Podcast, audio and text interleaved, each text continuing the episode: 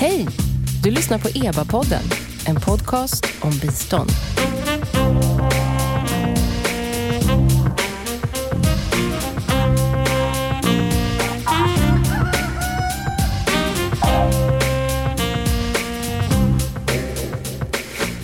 Välkomna till EBA-podden. Jag heter Noomi Östlund och den här podcasten ges ut av Expertgruppen för biståndsanalys, EBA. Det är en statlig kommitté som utvärderar och analyserar Sveriges internationella bistånd. Den här podden är lite av ett specialavsnitt då det är en ljudinspelning av ett välbesökt seminarium som nyligen arrangerades i EBAs och forskarnätverket Swedeps regi. Samtalet som spelades in på Kulturhuset i Stockholm den 14 februari 2023 handlar om erfarenheter från styrningen av det svenska biståndet utifrån en ny bok skriven av statsvetaren Göran Sundström. I boken analyserar Sundström genomförandet av den resultatagenda som lanserades av alliansregeringen Reinfeldt och det ansvariga statsrådet Gunilla Carlsson. Det är en bok som kommer med en nästan otrolig timing när vi på nytt har ett moderat statsråd med ansvar för Sveriges internationella bistånd ett statsråd som aviserat att regeringen kommer lansera, ja, inte en resultatagenda, men väl en reformagenda för biståndet.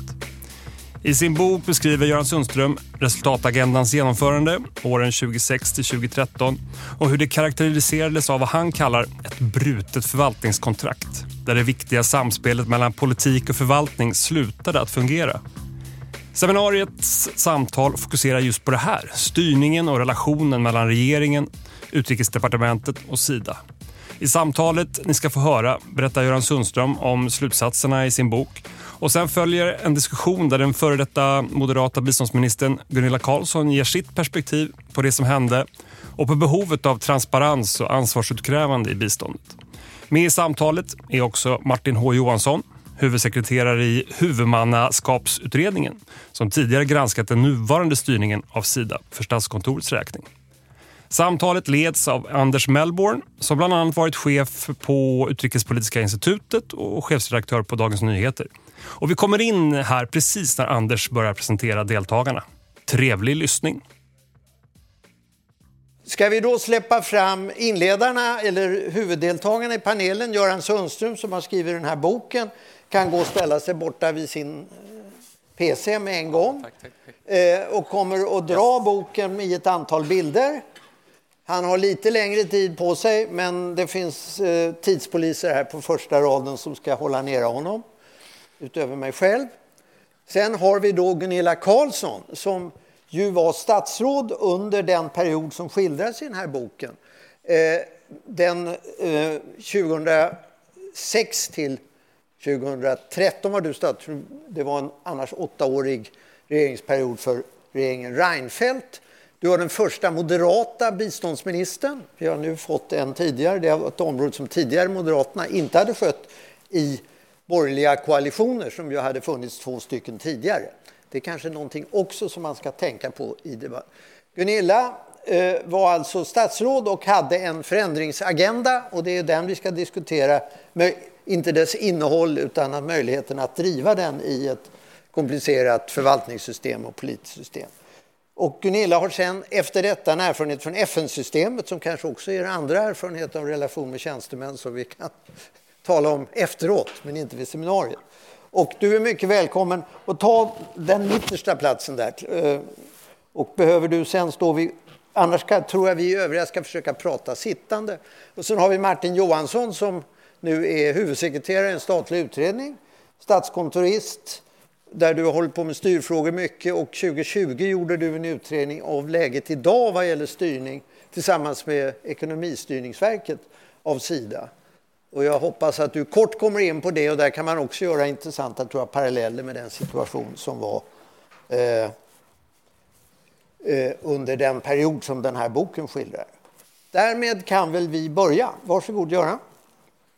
Ja, tack för det. Eh, då ska jag trycka fram den där. Eh, jag har då... Ja, först och främst vill jag tacka EBA och Svedev Svede för att blivit inbjuden att kunna presentera den här boken. Ehm, det är ett långt arbete, tagit eh, tio år att skriva den här boken. kan jag säga. Med betydande stöd av två kollegor, Bengt Jakobsson som inte är här och Janette Weimäki som sitter här nere. Boken behandlar eh, ja, en av statsvetenskapens mest klassiska frågor, nämligen relationen mellan politik och förvaltning. Eh, jag har en ganska lång tid ställt och studerat den ganska raka frågan om eh, vad gör en politisk ledning som vill åstadkomma förändring på ett politikområde? Hur styr den?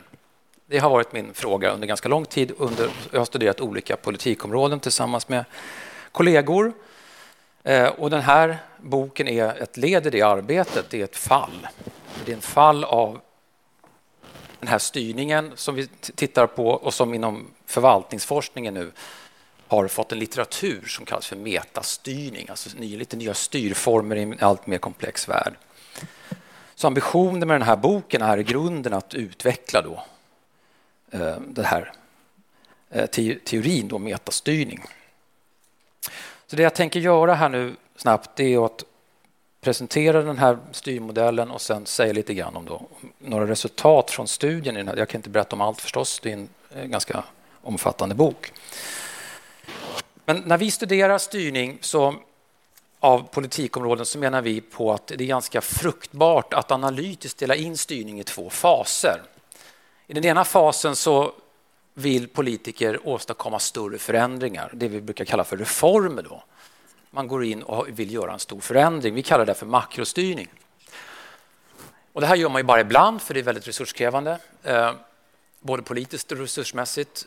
Eh, och då, men då tänker politiker väldigt mycket kring styrning som organisation. Och tittar man på vad de, vad de gör då så framträder det lite olika styrformer som är väldigt viktiga för politiker. En första och kanske självklar styrform är att man inrättar massa förvaltningar på det här politikområdet som ska ta hand om det här problemet som man uppmärksammat. Eh, det kan vara myndigheter av olika slag. Eh, och sen så positionerar man de här myndigheterna för det första så positionerar man myndigheten mot sig själv eller förvaltningen. Man lägger alltså på ett visst avstånd från regeringen. Här finns det begrepp som hands-off och hands-on som pratar för sig själva. Man kan alltså organisera nära eller långt ifrån. Men så positionerar man också de här förvaltningarna horisontellt mot andra organisationer som också håller på med det här samhällsproblemet som man då är inrättad för att hantera. Det kan vara andra förvaltningar men också privata organisationer som organiseras in eller ihop med myndigheter på olika sätt. Och så slutligen så berättar man i reformberättelser om varför man gör den här stora reformen. I propositioner ty typiskt sett, men också i tal, eh, i intervjuer och pressmeddelanden och annat. Eh, alltså varför man inrättar ny, eller organiserar om ett politikområde och varför man positionerar myndigheter på olika sätt. och så. Gör man det här på ett bra sätt, den här, den här reformeringen, när man sätter en scen helt enkelt, där olika aktörer sen har att spela. Jag skulle säga att det är den viktigaste styrningen som politiker håller på med, när man sätter denna scen. Gör man det på ett bra sätt, då kommer man inte behöva intervenera lika mycket som man, om man skulle organisera det på ett dåligt sätt. Men man kommer alltid behöva intervenera löpande när man väl har satt en sån här scen eftersom politik är händelsestyrd och de reformer som man då vill genomföra är typiskt sett väldigt vaga och behöver preciseras under resans gång, oftast i samarbete med förvaltningen. Och då har vi studerat lite andra, då den här löpande styrningen har vi kommit fram till lite andra styrformer.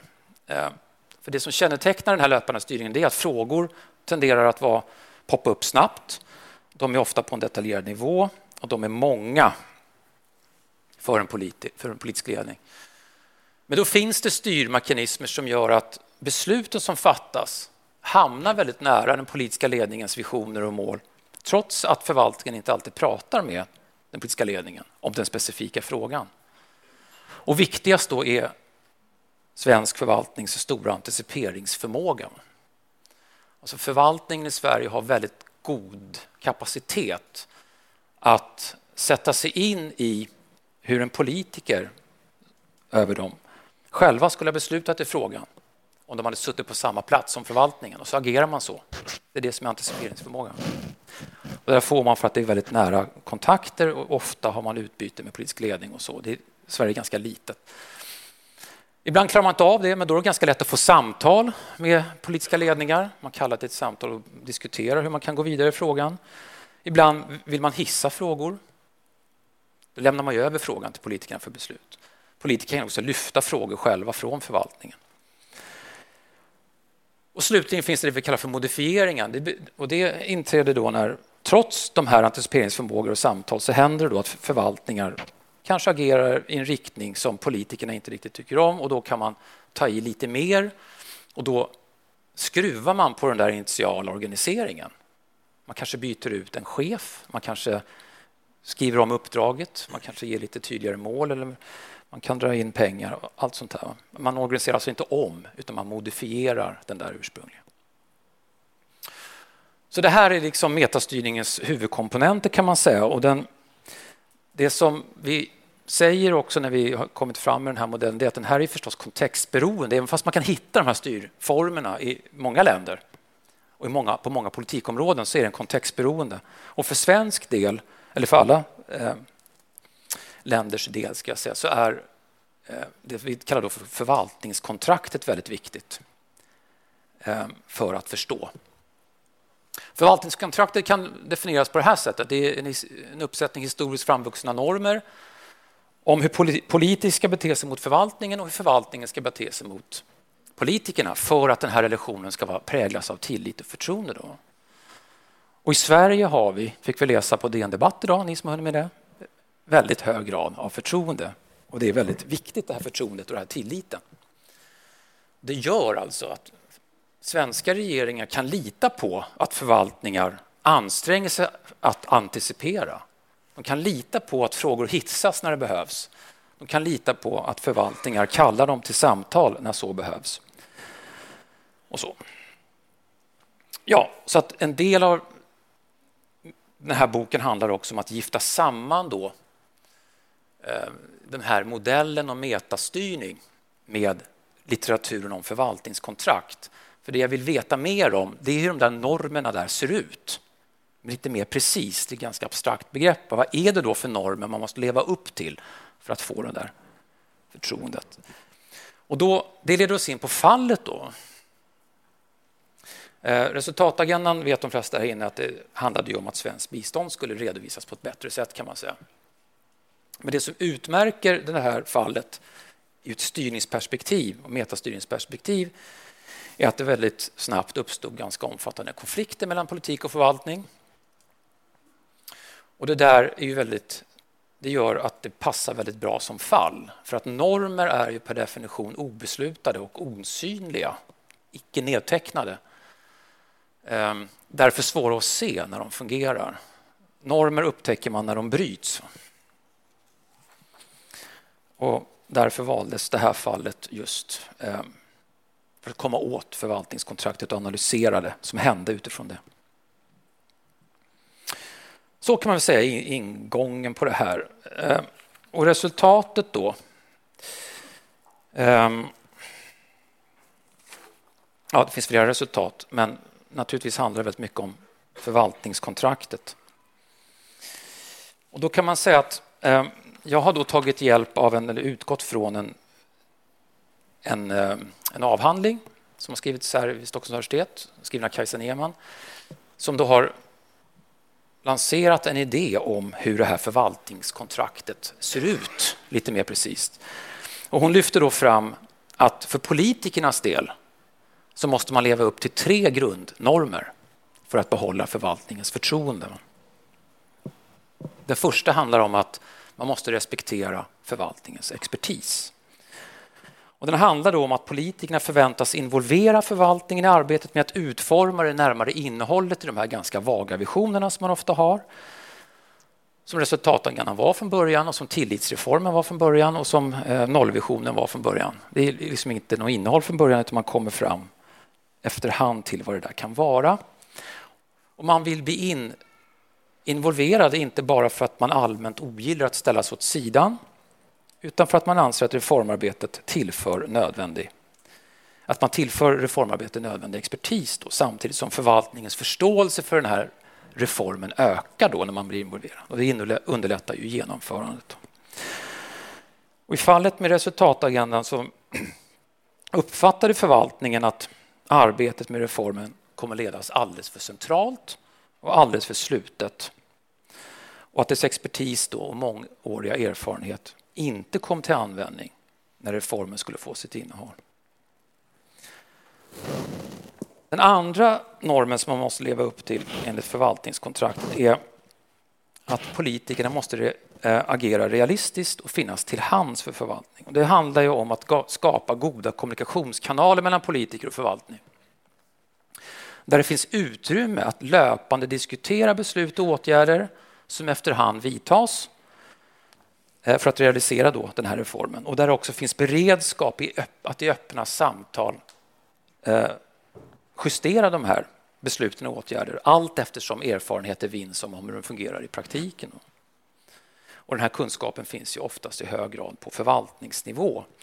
Och I det här fallet som jag har studerat då, så upplevde förvaltningen eh, inte riktigt att det var på det sättet utan man menade att locket lades på när förvaltningen fördes fram argument om varför olika beslut och åtgärder var problematiska. Det saknades konstruktiva och sakliga samtal om hur den här visionen om resultatagendan kunde realiseras på bästa sätt, där erfarenheter togs tillvara. Istället upplevde förvaltningen att ledningen försökte driva igenom reformen efter egna idéer och genom en ganska sträng och hierarkisk ordning. Den tredje normen som Kajsa Neman lyfter fram är att politiker aldrig får skylla ifrån sig på förvaltningen. Den handlar alltså om att politikerna förutsätts ta ansvar utåt för verksamheten. Man får inte hänga ut sin egen förvaltning utan man ska försvara den. Annars får man svårt att vinna dess lojalitet. Och här kan man väl säga att förvaltningen i detta fall då tyckte att det här eh, inte fungerade. Den menade, biståndsförvaltning menade, att den under årtionden hade arbetat hårt med frågan om resultatanalyser och hur de kan göras på bästa sätt och resultatredovisningar kan göras och att man låg i framkant till och med när det gäller metoder och resultatanalyser i komplexa miljöer.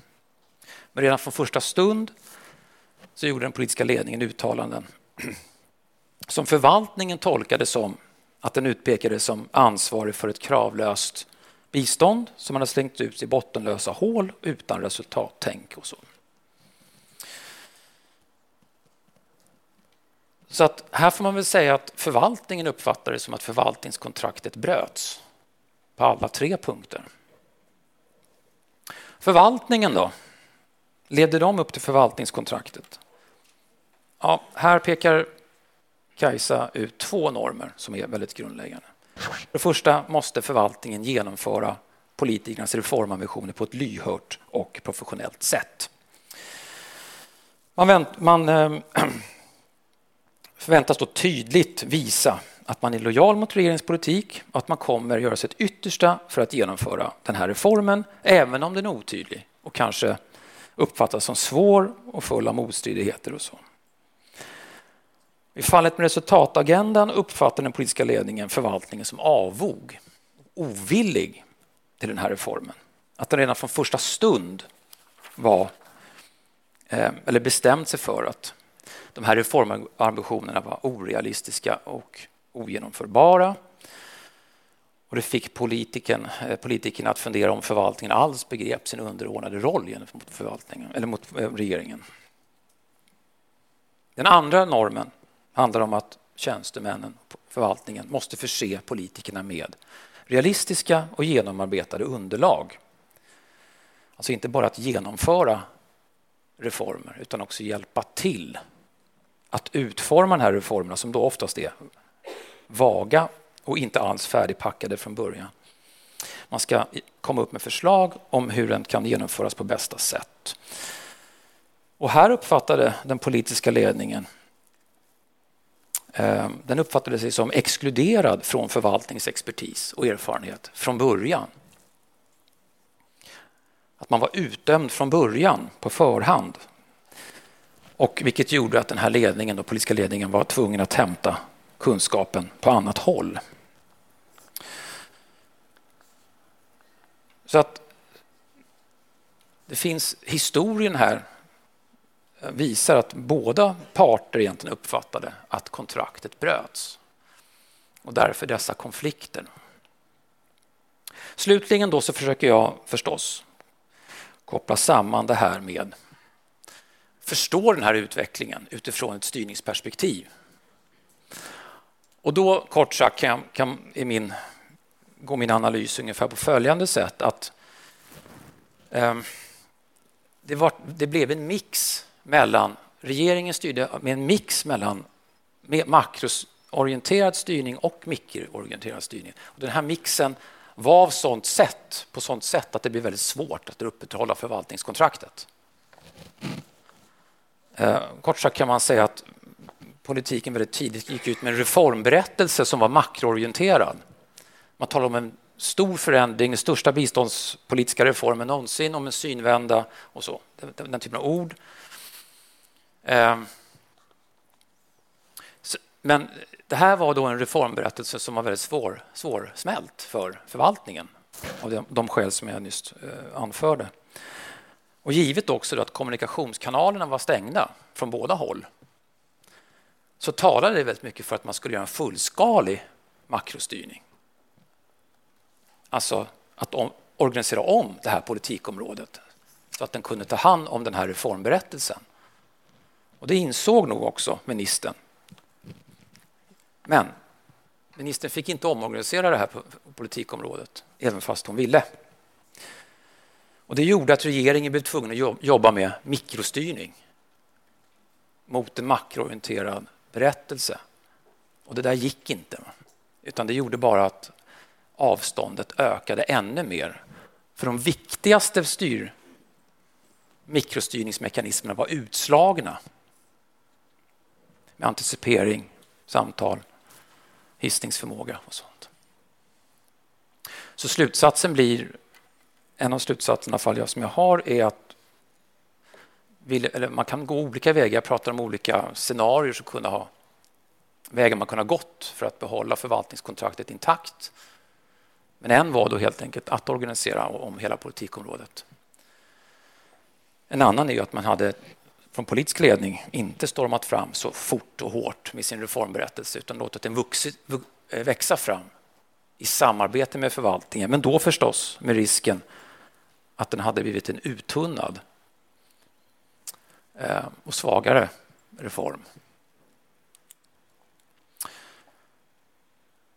Ja. En huvudslutsats är denna. Styrning bör, bör ta sin utgångspunkt i förvaltningskontraktet och värna dess olika delar. I alla fall om politik och förvaltning ska kunna arbeta tillsammans för en effektivare, effektivare reform. Och I det här fallet var det ju bistånd. Tack. 18.30. Mm, Jag är chockad. Tack så mycket, Göran.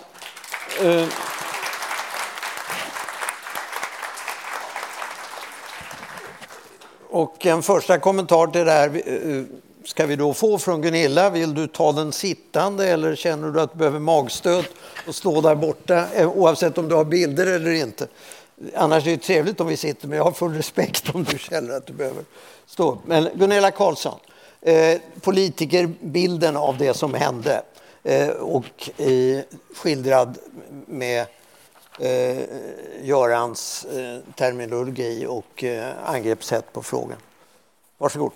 Tack Anders och eh, tack alla som är här. Jag tycker det var rätt så enkelt faktiskt att tacka ja till Eva och Mats Hårsmar som jag länge jobbade med tillsammans på UD för att få diskutera just styrning och eh, genomslag för politiken. Och det är så häftigt att göra det efter covid, att vi äntligen får ses tillsammans och dricka kaffe. Eh, men också vara på det här fantastiska huset där det ofta spelas teater. Och skillnaden lite med politiken och teater är ju ofta att eh, scenen är satt. Eh, de som spelar har tränat i förväg och har tydliga repliker som vet vad de ska göra. Men varje föreställning blir unik beroende på publiken, beroende på stämningslägen och just också att olika händelser inträffar även under en kort pjäs. Lite så tyckte jag att det var när jag fick det här fantastiska ansvaret att eh, som för första gången för en moderat biståndsminister ta vid där Alf Svensson en gång hade slutat alldeles för tidigt med att reformera det svenska biståndet utifrån en delvis annan politisk inriktning. Och jag är väl medveten om att vi i Sverige i förvaltningsmodeller jobbar i en väldigt, väldigt unik modell och att biståndet jobbar ju väldigt globalt. Det här kan också ha betydelse att faktiskt diskutera. Eh, vi har ju våra svenska krusbär och våra fantastiska skådespelare. Eh, men vi möts ju många gånger och utvärderas globalt. Och det här var någonting som för mig var väldigt viktigt att börja. Vem är jag och vilket ansvar har jag för policyutveckling och hur ska jag kunna ställas till svars för vad jag levererar?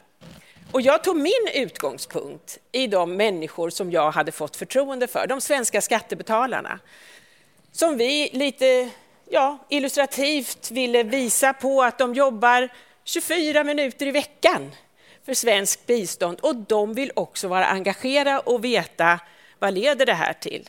De har en avsaknad, skulle jag säga, av en direktrelation till de människor som lever i fattigdom och förtryck och som inte ens har kanske resurser att utkräva ansvar. Jag ville stärka det kontraktet, för jag tyckte efter ett antal år, både i Europaparlamentet där jag jobbade med utrikes och säkerhetsfrågor, men också en del utvecklingspolitik, och fyra år i riksdagen där vi tog emot en del rapporter, att det här var någonting som jag hade ett alldeles särskilt ansvar och också sökte inspiration från. Jag tyckte också att det här politikområdet förtjänade samma respekt inom hela den statliga förvaltningen som alla andra utgiftsområden. Det handlade om pengar och det handlar om hur man använder givna resurser och hur man kan återrapportera på dem. Eh, det här är ju en av statens allra största utgiftsposter om vi tar bort transfereringarna. Och jag tyckte att det var viktigt att samtliga aktörer och spelare faktiskt kunde värdera det på det sätt som jag tyckte det förtjänade. Därför behövde vi mer insyn, mer transparens och också sätta resultatet i centrum för att ha någonting som alla kunde relatera till. Men också för att man ska kunna lära sig, kunna välja bort och också det som är så viktigt, att kunna kommunicera resultaten. Så när man sen helt plötsligt inte längre har de här resurserna inser vad det kommer betyda. Och det var då den resultatagendan som vi satte. Och jag var ju väl medveten om att det här är svårt. För att vi har en geografisk... Det här är inte Sverige. Det här handlar om faktiskt en ambition att göra någonting gott i nästan hela världen. Vi försökte fokusera detta. Och än idag så kan jag inte biståndets alla leveransled, trots att jag har fortsatt de tio senaste åren att jobba i globala institutioner med bland annat good governance och styrning.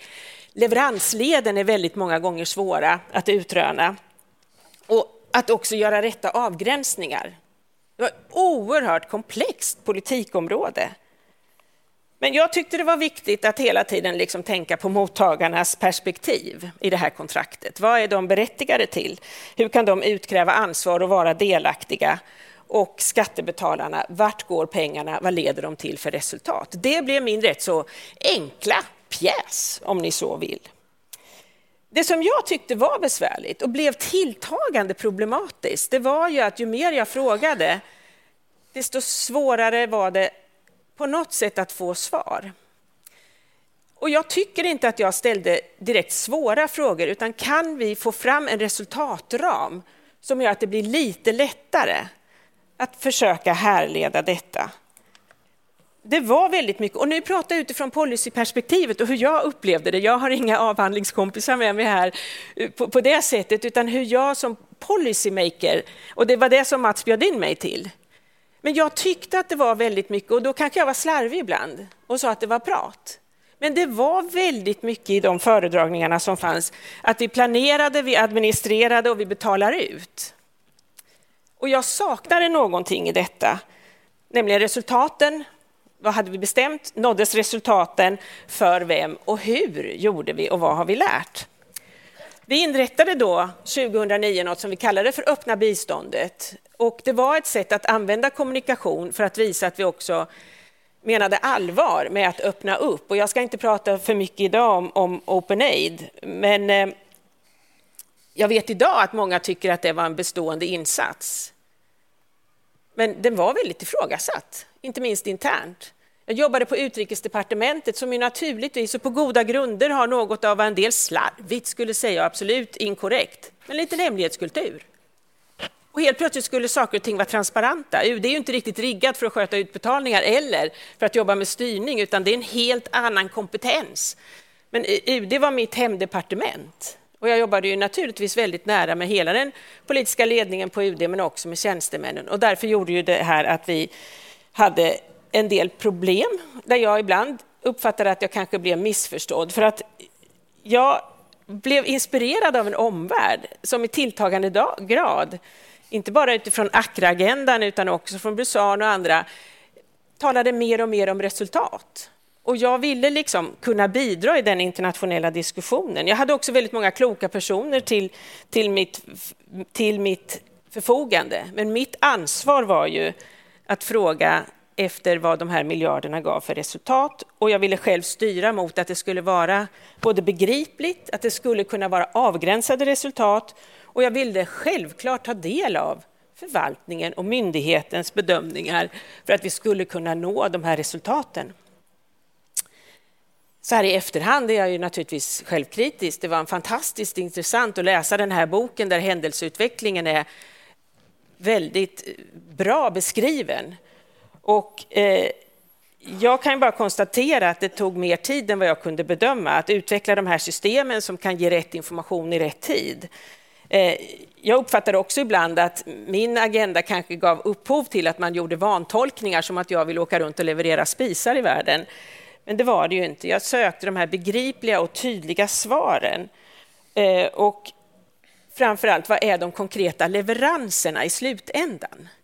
Eh, och det var det som, som drev mig väldigt mycket. Jag vill också säga att det är ett väldigt mycket delat ansvar jag insåg nästan direkt att halva ansvaret ligger på eh, biståndsförvaltningen och regeringen för att det här ska kunna bli en genomförbar politik eh, och att man ska få fram det man vill.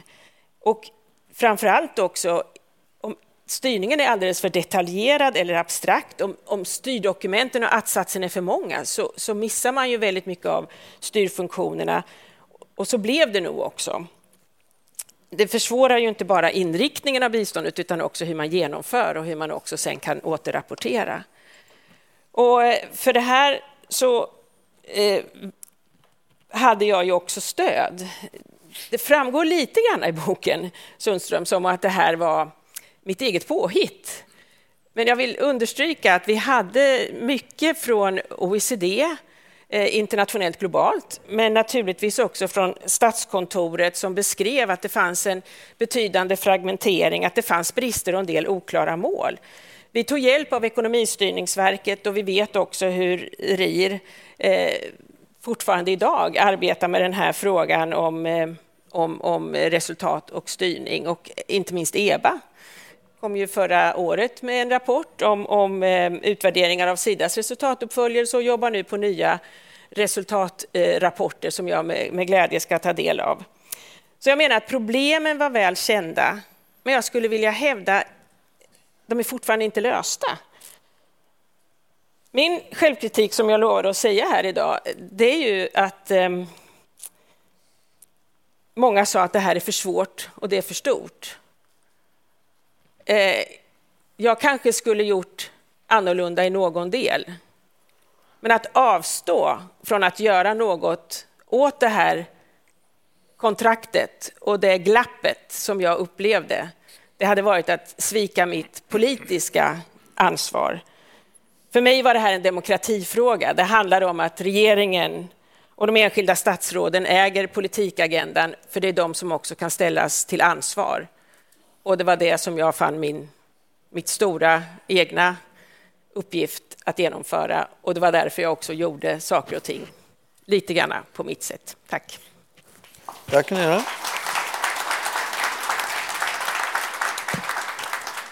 Och då ber jag Martin ge en kommentar lite utifrån också bredare erfarenhet av flera förvaltningsområden och det här traditionen eh, för svensk förvaltning i stort under de här åren, inte minst.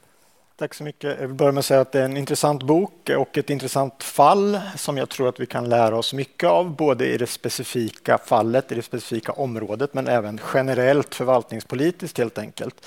Eh, men ett sak, några saker som slog mig när jag läste boken är att man utgår från att det fanns ett förvaltningskontrakt på plats från första början. När jag läser boken tycker jag att man kan ifrågasätta om det faktiskt fanns där från början. Det var åtminstone svagt från början. Tidigare regeringar hade pekat på att Sida var en svårstyrd myndighet. Jag tolkar det som att Gunilla genom sin erfarenhet i riksdagen inte var direkt imponerad av tidigare resultatredovisningar, att man fick svar på de frågor som man hade helt enkelt. Eh, och, och inte kunde säga det man ville kunna säga om resultat och effekter av insatta medel helt enkelt. Eh, man kan därmed fråga, tycker jag, och dessutom då där som vi pratade om inledningsvis, att det var en moderat minister för första gången. Eh, Moderaterna hade tidigare uttryckt en viss skepticism mot hur biståndet bedrevs och med vilka resultat och sådana saker. Så det kan ha funnits en misstro redan från början från förvaltningens sida. Man kan då med ställa sig frågan där om den här ömsesidiga tilliten och förutsättningarna för dialog som måste finnas för att det ska fungera att göra en stor reform på ett område fanns på plats helt enkelt.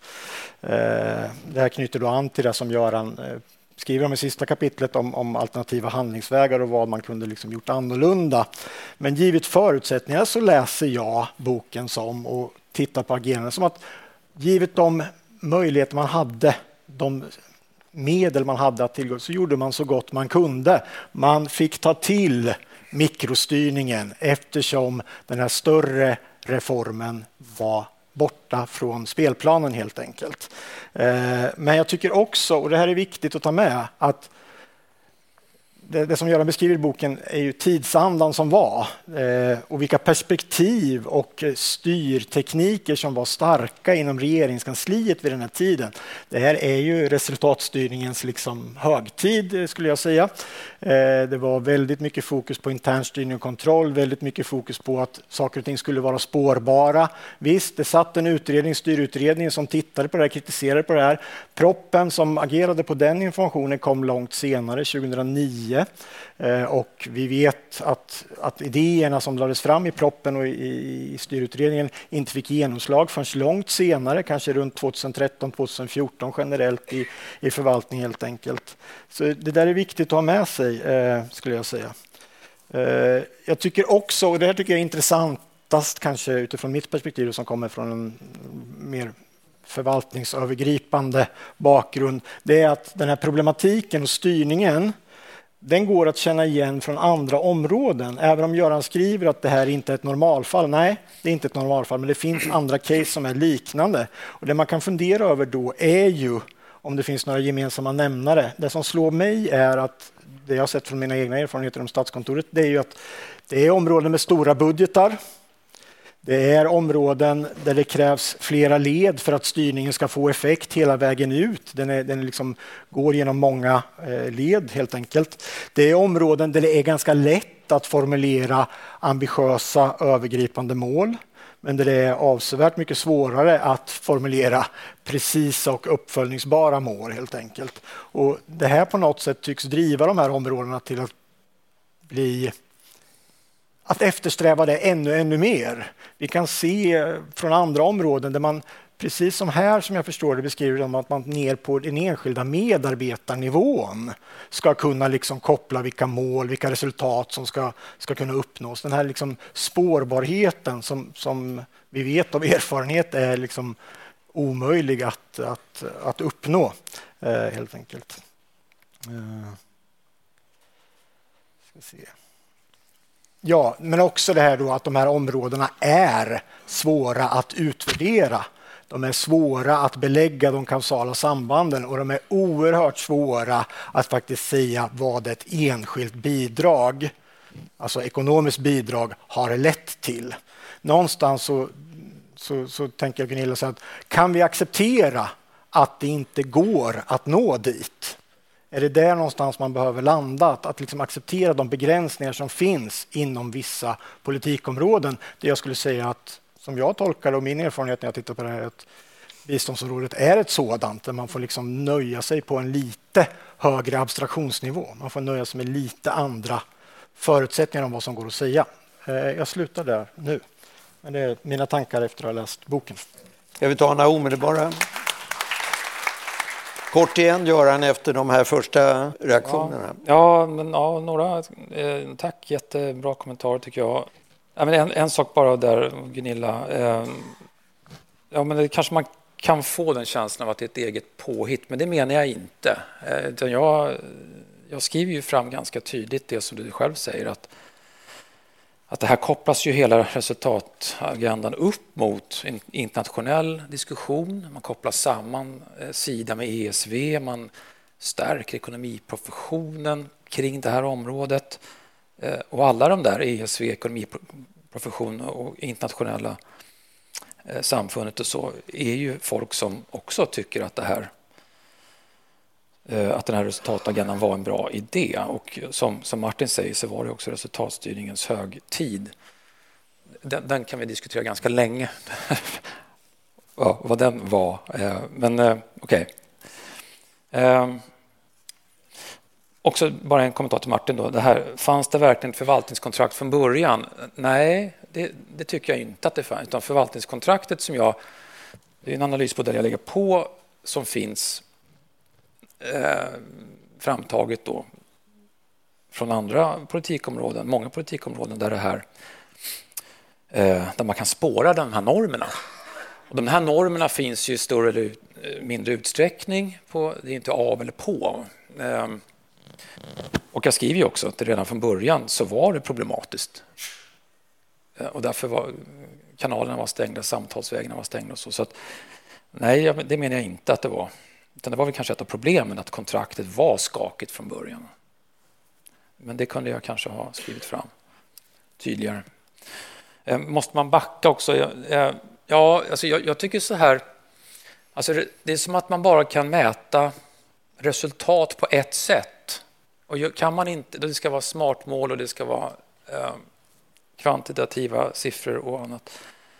Utan det handlar väl mer om att lägga resurserna på den typ av granskningsmetod som är mest effektiv givet vilket politikområde man håller på med. Och då, då tycker jag då, det är väl det du far efter där Martin, att eh, här lämpar sig mer kvalitativa där man bedömer resultat snarare än mäter dem och har dialoger kring de där sakerna. Så det, det, är absolut inte att alla politikområden måste alltid man försöka ta reda på vad man får ut av pengarna. Och det har ju Sida eller någon annan i biståndsförvaltningen aldrig varit emot. Vad jag kan se när jag går igenom det historiska som är ganska, ganska långt kapitel i boken. Något mer Gunilla i det här läget? Nej, men mer det här med, med begränsningar. Det var ju det också som vi diskuterade väldigt mycket för att just vara väldigt ödmjuka kring hur komplext utvecklingssamarbete är. Men det var just också, kan vi hitta, och där jobbade ju vi dagligdags. Vi, vi igen, den svenska myndigheten, alltså strukturen är ju att vi har ju väldigt små politiska staber som inte kan göra någonting själv mer än att formulera och följa upp. Eh, och vi var, jobbade ju dagligdags med både myndigheten och förvaltningen för att börja försöka få fram vad är det som kan avgränsas och kan illustreras? Är det annat som kanske inte kan avgränsas och bara beskrivas? Men att därmed på något sätt att allting är så diffust och så svårt och man bara ska jobba med bedömningar och rött, gult eller grönt. Det går liksom inte att gå tillbaka till de som anslår budgetposterna för detta. För då kommer ingen ha något att försvara heller. Och det är ju det vi har sett. Alltså det är oerhört viktigt att vi kan göra det här lite mer begripligt för de som inte har förmånen att få hålla på med det här varenda dag. Och, och det är det som jag tror liksom är utmaningen här. Eh, och, och, då kanske det fanns kanske för mycket sakkompetens. Jag vet inte, men, men, men på mig var det liksom... Jag ville absolut inte göra det här svårare än vad det är, för det är tillräckligt svårt. Men kunde vi begränsa, kunde vi få fram något och kunna ha en berättelse om det svenska biståndet i en allt mer svår eh, internationell värld.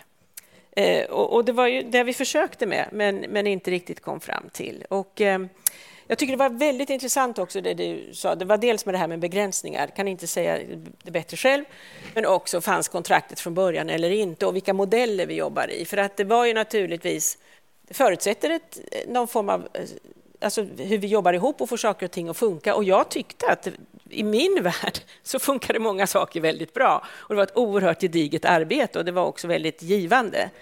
Eh, men det var ju också så att fanns kontraktet eller inte, men det var ju också kulturer som bröts. Det var inte normer bara, det var också kulturer, det var ett annat sätt att se på saker och ting och att det visar att vi ville uppdatera det svenska biståndet. Och jag tog ju väldigt mycket energi utifrån eftersom jag hade det här perspektivet med människor som lever i fattigdom och undrade alla de här leden, vad betyder de för oss, vad får det för konsekvenser och så vidare. Och det var så lite resonemangen gick till så här när jag tittar på det i efterhand. Tack. Får jag fråga här, det finns ju en det nämns i boken och att du, och det var väl en intervju efter din tid som statsråd, du har sagt att du ställde en fråga när du fick det här uppdraget, eller ombeds att ta det här uppdraget av statsministern. Att får jag börja om med Sida? Det citeras på ett par ställen i boken. Och det tror jag en intervju med dig några år efter det att du hade haft det här. Och på ett sätt tycker jag när jag läser boken att det här är en ganska central fråga. Att du fick ett nej till detta och det är klart, det här kanske inte går att reda ut hur det var, men det skulle vara intressant om du ville säga någonting mer eh, på vilket sätt du uppfattade att ändå uppdraget var mer begränsat utifrån en större vision. Börja om med Sida.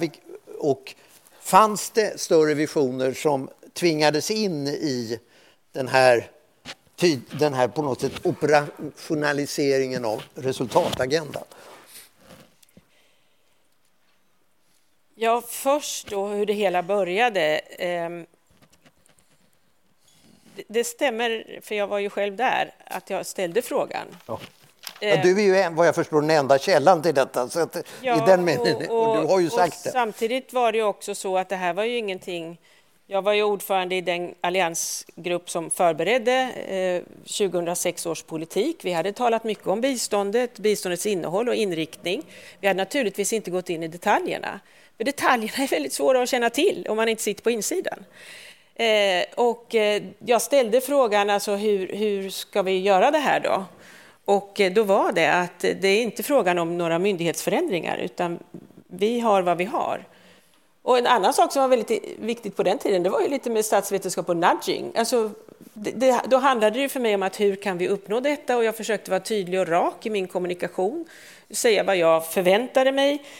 Jag tror att jag aldrig frågade efter resultat som inte går att uppnå eller att det inte går att mäta. Så det var ju förvaltningen väldigt duktiga på att berätta. Men däremot det andra hade jag lite svårt att få fram. Och samtidigt, så, än idag, så kan jag inte förstå varför inte Sverige använder OECDs sex principer kring hur man kan mäta och utvärdera för att också gå mot utfallet.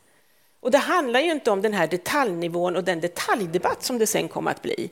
För det blev ju rätt så absurt. Och det var ju snarare, det var ju inte vi som satt på den politiska lilla, lilla staben som bad om detaljredovisning, utan det var ju omsättningen sen, delvis myndigheten. Men hade man gjort det här lite enklare för sig och använt de här sex principerna mätt på samma sätt och använt lite samma rapporteringsmodeller som jag nu jobbar med, där vi är rätt så avgränsade i problematiken. Det jag medger att jag jobbar med Globala fonden och Gavi, det är en vertikal. Men då kunde man väl använda de vertikala sakområdena för att just också visa lite mer på resultat. Och sen kan mycket annat bara få vara o, o, o, inte odefinierat, men där kan vi också tåla det, för då har vi en struktur att kunna berätta om.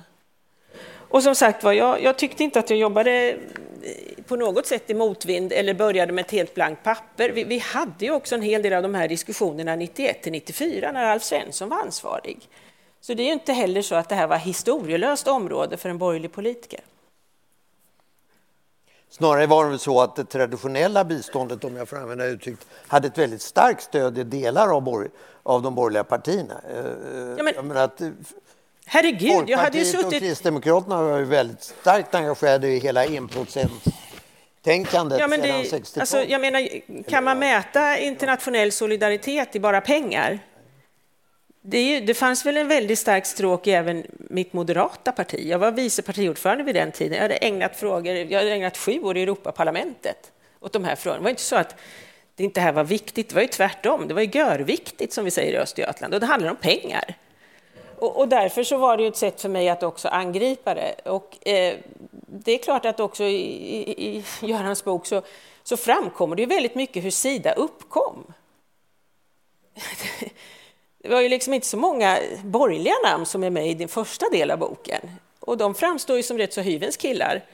Så att, eh, det är klart att det spelade väl in lite grann i den fråga jag hade. För jag insåg ju att det här kommer inte vara lätt för en, för en eh, oedig bondatös från Östergötland som är revisorsassistent. Det var, liksom, det var lite uppförsbacke. Men man gjorde ju så gott man kunde. Kan Martin säga någonting om några andra? Du tog ju in det här jämföra med andra områden. Eh, det här, jag skulle ju, alltså, min fråga var väl egentligen att biståndet hade varit ett konsensusområde med betydande liksom, deltagande också från den borgerliga sidan. Och, och, med de, och, men det här idén om när man ska komma in och göra en förändring, hur uppfattas förvaltningen? Men alltså den här bilden av att förvaltningen under många år av eh, icke eh, för, utan politisk grundförändring skaffar sig en, en förståelse för den politiken och också ett anseende där som man kan beskriva som den förvaltningskultur som Göran har talat tidigare. Eh, kan du ta några andra exempel eller några reflektioner om biståndsområdet i det här perspektivet? Nej, det som slår mig där är just kanske att det inte handlar mer om, om, om, om att det är präglat av en lång tid av tidigare politik utan mer att, att eh, olika områden, olika fält har sina professioner, sina sanningar, sin kultur. Så att säga. Om det då kommer in utifrån någon som utmanar det, då kommer det alldeles säkert att, att uppstå ett motstånd, så att säga. Eh, det vet vi ju ganska mycket om helt enkelt. Och jag menar, det kommer väl alla eh, regeringar som, som vill göra någon form av liksom helomvändning med ett område möta helt enkelt. Jag menar, styrningen måste ju alltid utgå ifrån den kontext och den kultur som finns inom, inom olika områden helt enkelt. Alltså just det här med vad, vad är sant? Eh, och om man då inte delar det, eh, då, då har man en uppförsbacke och delvis är det väl det som, som, som man ser på det här området, tänker jag. helt enkelt. Men jag menar, eh, andra områden där vi har sett och liknande, det, det är ju liksom att, att förtroendet redan från början, tilliten mellan den politiska nivån och förvaltningen är, är, är skadat så att säga. Där man liksom på något sätt, Göran skriver en del om det här att, att förvaltningen är bra på att tolka det politiken säger och skriver. Ja, det är den absolut, men det finns också en stor risk i det. För att den tolkar den utifrån sitt perspektiv, utifrån sina behov och läser in det som, som liksom är till fördel för den egna saken. Och då kan saker och ting gå, gå fel helt enkelt. Vi har områden där, där ja, de som jobbar inom förvaltningen helt enkelt betraktar det som att politiken har lovat någonting som man sedan inte har hållit. Det kan vara medel, det kan vara förstärkningar, det kan vara olika typer av förändringar helt enkelt. Eh, sånt är ju oerhört knepigt att, att, att hantera och framför allt då tänker jag med om man bara då i det här fallet som vi hamnar i bara har att använda sig av mikrostyrningen och då i ett regeringskansli som är väldigt bra på ekonomistyrning och den typen av styrtekniker kanske inte så jätteduktigt och så jättestarkt när det gäller andra sätt att styra och åstadkomma förändring. Eh, vilket är min bedömning att, att man vid den här tiden var ännu mer än vad man är idag. Vi har lärt oss ganska mycket över tid och är nog bättre lämpade att ta oss an den här typen av utmaningar och problem idag, eh, tänker jag. Men, men som sagt, när vi gjorde vår analys av styrningen av Sida eh, 2020 så såg man ju fortfarande spår av av den här typen av styrning. Väldigt detaljerad, sammanblandning av roller så att säga. Det är svåra strukturer att förstå, liksom, målstrukturer. Eh, ja, helt enkelt. Ja. Jag hoppas det var något form av svar på, ja. på, på, på, frågan. Ja, lätt, Annars var ganska svår.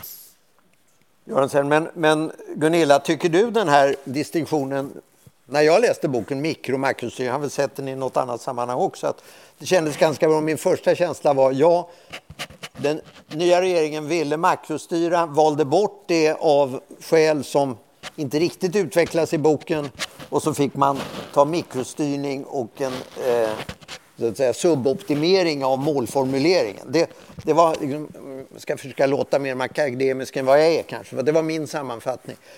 Eh, är det fullständigt galet att formulera sig så utöver den här möjligen jargongen i språkvalet? Eh, som jag sa, jag tycker det, boken är bra så tillvida hur den beskriver just hur vi försökte med då vad man kanske skulle säga makrostyrningen. Och ibland så behövde vi gå in och jag bara tar ett litet, litet enkelt exempel på hur vi riggade när vi det var inte med lätt hjärta man tvingas mikrostyra myndigheten för att ha personal på plats i, i Kabul och, och eh, Bagdad. Men kan inte gärna, alltså, det var ju lite så det fungerade och när man då såg att det bara växte på, på, på Valhallavägen och samtidigt så var vi i desperat behov för att kunna klara allt vad vi hade lovat genom att ha folk på plats. Det, det är ju beslut man inte fattar med lätt hjärta. Eh, så, så det är det här som jag också och, och, vi jobbar ju då, finns det någon absolut sanning? Vi jobbar ju med människor och jag skulle också vilja säga, det är många som är här i publiken idag som har, vi har jobbat tillsammans med det här. Det är ju inte så att det finns en tjänsteman som är precis lika alla andra. vi jobbar ju också med människor, vi är inte så många heller. Så jag tror också det här att det fanns absolut inte, när jag säger att det kanske fanns en historia om kultur, så handlar ju inte det om att alla bar kultur eller vissa knappar på nålarna. Det var vi lite, det, så var det ju inte. Utan det fanns också väldigt mycket förväntan på något nytt. Det fanns liksom en entusiasm. Eh, och, och, det tycker jag också är viktigt att få fram i det här sam samtalet, att det fanns många som tog egna väldigt starka, bra initiativ för att försöka leda framåt. Så att eh, i vissa delar känner jag inte igen mig heller, för jag vill ju rösta åt den, den strävande tjänstemannen också, som absolut förstod sin roll. Ehm, och sen har det nu kommit då en viss kontext och, och, och, det kan vi ju diskutera i detaljer, men jag tror det är viktigare att lyssna på publiken och liksom få lite andra inspel här, för det här är en, det här är en scen, det är inget lätt politikområde och jag har försökt hela tiden att vara väldigt ödmjuk inför det. Ehm, och att då inte kräva för mycket. Men samtidigt ville jag mycket. Så, så, var det ju. Och jag uppfattade också att jag hade det här ansvaret. Och det kanske det vi också ska tratta ner det i till, till slut när man sitter i ett sånt här hus i den här tiden. Vem är det till slut som står till ansvar? Ja, det är ju politikerna i slutändan. Sen har vi en fantastisk förvaltning att luta oss på, men i slutändan så sker ansvarsutkrävande i den politiska processen. Och det får vi inte glömma bort i ett sånt här samtal. Det finns ingen diskussion riktigt om budgetvolymer och styrning genom budgetvolymer i boken. Och det beror väl på att enprocentsmålet eh, skulle ligga fast och det var man överens om. Eh, eh, men där är min fråga, är inte det, försvårar inte ens om man vill göra en stor förändring, om man samtidigt vet att budgetutrymmet kommer att vara oförändrat eller så visade det sig med icke-inflation och en viss tillväxt, även om vi hade dippar under den här tiden, så är det ju ett ökande resurstillflöde och så vill man åstadkomma förändringar. Eh, och man, hur hinner man med? Alltså, är det möjligt att göra en stor förändring med, den, eh, med en oförändrad budgetstyrning, men alltså vad gäller volymen, inte regleringsbrevets formella innehåll? Göran först och sen Gunilla. Ja, det är det ju. Eh, ja, dels kan man ju... Det kan vara en del av den stora reformen att man tar bort det där. Det har vi ju sett nu till exempel. Eh, så det, det är ju inte heligt det heller. Men, eh, eh, och I det här fallet så var det en ganska viktig ingångsvärde att, att budgeten såg ut på det sättet. För det gav ammunition till betydelsen av att utvärdera. Det används ju som ett argument för varför det är just så viktigt att utvärdera det här området är just för att, liksom, att de får väldigt mycket pengar med någon slags automatik, inte på basis av resultat. Och då blir det ännu viktigare att visa att man är värd de där pengarna. Så att budgetstyrningen låg ju där som en viktig förklaringsfaktor till, till hela hennes utveckling. Jag vill bara kommentera, det är jätteintressant att höra. Jag håller med om det här nu. Gunilla säger då att eh, hon såg framför sig en lite enklare sak än vad det blev och det blev mycket mer teknifierat och ettrigt än vad som kanske var meningen.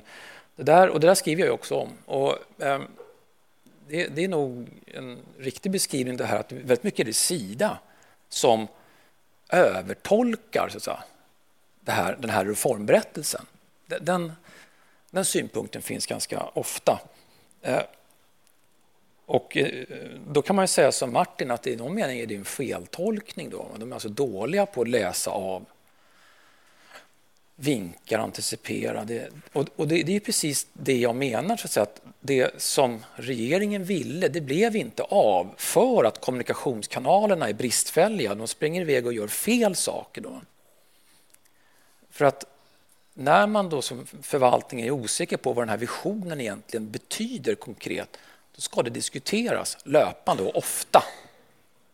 Men här, här skriver jag fram en ganska ängslig myndighet som in, vidtar saker utan kommunikation.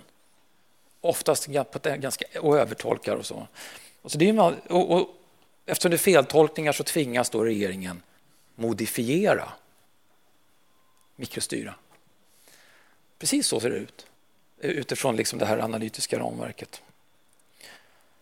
Och jag tycker att jag ändå skriver fram det just på det, på det sättet. Och sen, sen bara det här med sant. Det, det är en, det är så när, jag present, när vi har skrivit om den här modellen lite mer generellt då i en bok, då har vi faktiskt det här resonemanget, alltså att ju, ju mer en inkommande regering och en förvaltning skiljer sig åt i verklighet, alltså kunskapssyn. Vi pratar inte om sanning, historiker, vi har någon historiker, pratar om giltighet snarare. Vad är giltigt för tillfället? För sanningar når vi aldrig. Men däremot finns det idéer om vad som är giltigt. Och ju mer det där skiljer sig åt, desto större anledning finns det att makrostyra dem. Om man vill ha igenom sin reform. För Det är klart man kan tänka sig en jättestor reform, men om regeringen delar kunskapssyner med förvaltningen, då behöver det inte ta sig uttryck i jättestora organisationer, eh, omorganisationer, för man är ju så att säga, överens. Så det, det, är en, det är en del av ingången. Alltså, alltså stora, stora reformer, reformberättelser och så behöver inte innebära stora omorganisationer. Men ibland, i det här fallet tror jag det att, det, att det hade blivit väldigt annorlunda om man hade gjort det. Gunilla? Ja, där har Göran rätt. Och vi försökte ju också då med att jobba med att renodla rollerna och göra det lite tydligare. Att policy skulle ligga mer på, på, på, på departementet och genomförandet eh, på Sida. Och vi, vi jobbade hårt med just för att ansvarskedjan skulle fungera med att renodla rollerna. Och jag tror att det var ju också lite i en brytningstid, för det hade ju varit rätt så otydligt innan. Eh, och, och, det är klart att sånt, jag sa ju det också, att jag underskattade hur lång tid saker och ting tar för att förändras. Eh, och, och, och det, det var ju en del i det här. Och vi hade då inget stort kabong, det var ingen stor nedläggning av någon myndighet eller något, utan det var lite den här som jag ändå försökte, nudging eller vad det kan heta nu för tiden. Eh, men en sak till här som var oerhört viktigt för mig eftersom jag hade suttit i opposition och gått loss på Bosse Ringholm, som jag uppfattade då använde biståndet och enprocentsmålet som en budgetregulator. Alltså över ett visst år, årsskifte så var det helt okej okay att ta pengarna och det hände inget. Och det där vet jag, det störde mig något alldeles otroligt. Så var det någon sak som jag var väldigt, väldigt mån om, det var att vi skulle ha raka regler också gentemot Finansdepartementet. Det är klart att Finansdepartementet har mycket synpunkter och har väldigt mycket kompetens också kring styrning och ville se att UD skulle kunna vara lika bra som alla andra på, på styrning.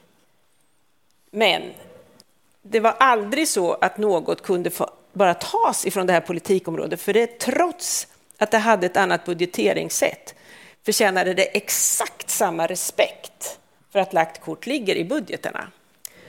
Och, och, och, det tyckte jag också är någonting som kanske kommer bort ibland, för att vi, nej, vi behövde inte spara, men vi behövde visa faktiskt vad vi får för pengarna. För att därför är det mycket svårare sen att spara. Jag hade ingen eh, det kan verka som att jag hade en dold agenda när man läser boken, men var det någon agenda jag hade så var det att det här politikområdet förtjänar precis exakt samma respekt som alla andra politikområden. Och tar man pengar från det här politikområdet hux flux, då får det också konsekvenser. Ehm, och det var också en del i resultatagendan inåt. För att jag uppfattade så att kulturen inte tidigare var sån. Ehm, och där hade jag också väldigt mycket gott stöd av, av finansministern. Som också var moderat för övrigt. Ja. Det minns vi. Ja. Nej, men det var ett väldigt tätt, nej, samar det var ett väldigt tätt samarbete ja, för att ja. det här var ingenting man skulle ta lättvindigt. Nej, nej. Eh, och, och, det är det jag menar att det här har faktiskt kanske utgiftsområdet lidit lite grann av tidigare för att det är för få som förstår vad som händer när man gör stora förändringar. Det var därför viktigt för oss också, jag vet att det var en lång avräkningsdebatt också, men att de skulle ske på väldigt tydliga villkor och med tydlighet. För vi hade ju också en rätt så kraftig, dels en, en liten, liten nedgång 2708 där vi var tvungna att spara på grund av enprocentsmålet. Det blir en väldig ryckighet i politiken. Ni vet att jag tycker det är en dålig budgetmodell, men också i samband med flyktingavräkningarna att det borde ske på rätt sätt. Så att det där var ju också in making, för att innan hade inte det varit så himla noga, utan man kunde liksom ta någonting. Så uppfattade jag det i alla fall i opposition. Ja, ja. Eh, och därför var det viktigt att jag fullföljde det när jag väl hade ansvaret. Mm. Ja, men bara en kommentar. Det här var uppe tidigare också, det här med konsensus. Det är ju riktigt då att det har varit konsensus under lång tid. Eh, men det handlar ju om partipolitik. Alltså konflikterna, och det var Martin inne på, konflikterna på det här området går ju hela tiden mellan förvaltningspolitiskt ansvariga. Det är där konflikterna ligger, alltså eh, ämbetsmän som tror på ekonomistyrning eller så tror de på eller en fullödig resultatstyrning eller så tror de inte på det. Och det där har ju, det går ju tillbaka, det ser man också i historiska kapitlet, för finansen har ju hela tiden varit eh, kan man säga, inte luven på kanske, men var, man kan säga att det har förekommit en flitig diskussion hela tiden mellan finansen och det här biståndsområdet. Eh, så jag, och det här gäller ju inte bara det här politikområdet, det, det känner ni till, förvaltningspolitiken är ju väldigt starkt organiserad när det gäller de här idéerna och väldigt svagt organiserat när det gäller alternativa idéer. Så att här kopplar man upp sig mot de där starka som politiker så har man en väldig fördel. De här idéerna, då menar du? Result, alltså resultatstyrning. Resultatstyrning, ja, just För det, nu har mikrofonbärarna börjat förbereda sig och vi har börjat se där. Men jag, en tanke till kring det här med, med liksom resultatstyrningen som en operation, suboptimering, operationalisering. Är kanske, om man ändå skulle ta ett bredare lite fråga om det här med mandatperioden. Om man verkligen vill makrostyra ett område man tror att man behöver tänka om grundligt så skriver ju Göran i slutkapitlet att man borde... Ta, eh, det norm, traditionellt normala hade varit att tillsätta en offentlig utredning. Vi har haft biståndspolitiska utredningar och annat men med kanske tydligare direktiv om ett kanske mera ifrågasättande direktiv. Men då är vi ju tillbaka i det här med mandatperioder och annat finns det ett politiskt handlingsutrymme för riktigt stora förändringar. Eh, kopplat till din betoning av förvaltningskulturen som naturligtvis också i sig är präglad av en eh, gradvis reformpolitik på något sätt. Kan man drain the, med all respekt för er som, eh, och även jag kanske som kommentator ibland har varit del av the swamp, men någon gång kan man ju utan att vara Trump behöva drain the swamp med goda syften. Är det möjligt i länder med en stark fungerande förvaltningskultur som har, där man ofta betonar de positiva effekterna väldigt mycket mer?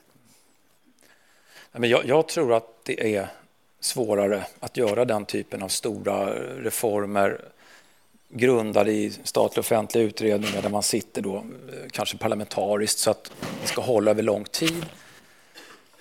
Och det, det är ju två saker som försvårar det där tycker jag. Det ena är ju att helt enkelt kommittéväsendet är helt förändrat. Det är enmansutredningar med styrda direktiv och snabbare skott och så.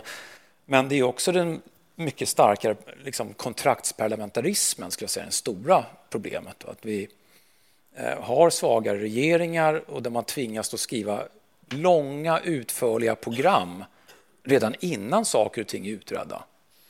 Och det där, det där tror jag är väldigt skadligt för förvaltningskontraktet. För att hela, det här betyder att förvaltningen kommer in i efterhand och ska realisera massa punkter utan att ha blivit hörd. Det säga expertiset på undantag. Det är klart man har liksom lite utrymmen och sådär. Men det är en helt annan idé än det här att man kommer in som en regering, har en vision om, en för, om förändring, man tar hjälp av sin förvaltning för att realisera den där förändringen och så, så blir det någonting som sitter ihop med gällande lagstiftning och idéer och allt så det, det som förvaltningen är väldigt duktig på. Allt det där hotas ju av de här bestämda liksom, punkterna som leder till direktiv till utredningar som är väldigt smala och som ska göras av en, ex, liksom en slags exekutiv utredning med en man, eller enmansutredning. Eh, det, det, på lite längre sikt kan det här liksom ställa till det och hota hela den här förvaltningsmodellen som vi har. Det här tror jag man måste vara oerhört uppmärksam på. Alltså. Gunilla nickar instämmande. Sen börjar ja. vi med frågorna. Ja, nej, men det är ju också hela utredningsväsendet som ju har tjänat Sverige väl. Eh, håller helt med.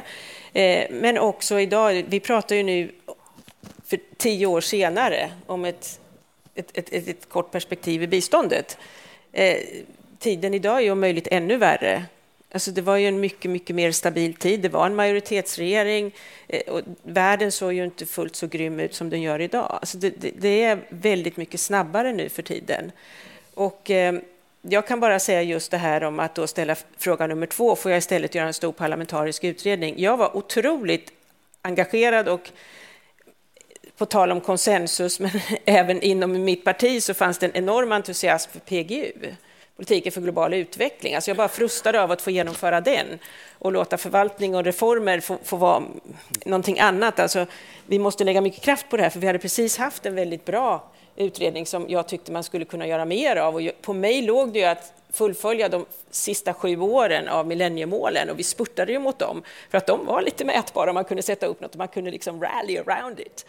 Eh, för att sen då gå vidare i hela eh, hållbarhetsagendan och SDG och liksom vilken roll biståndet också kan spela katalytiskt. För det, den kraften såg jag ju ofta också. Den var ju inte bara om, om, om, utfall utan också biståndet som inspiratör, som, som någonting väldigt viktigt bidrag både för vårt land och för helheten. Och därför så var jag inte sugen på att sitta och vänta i två, tre år på en seriös utredning.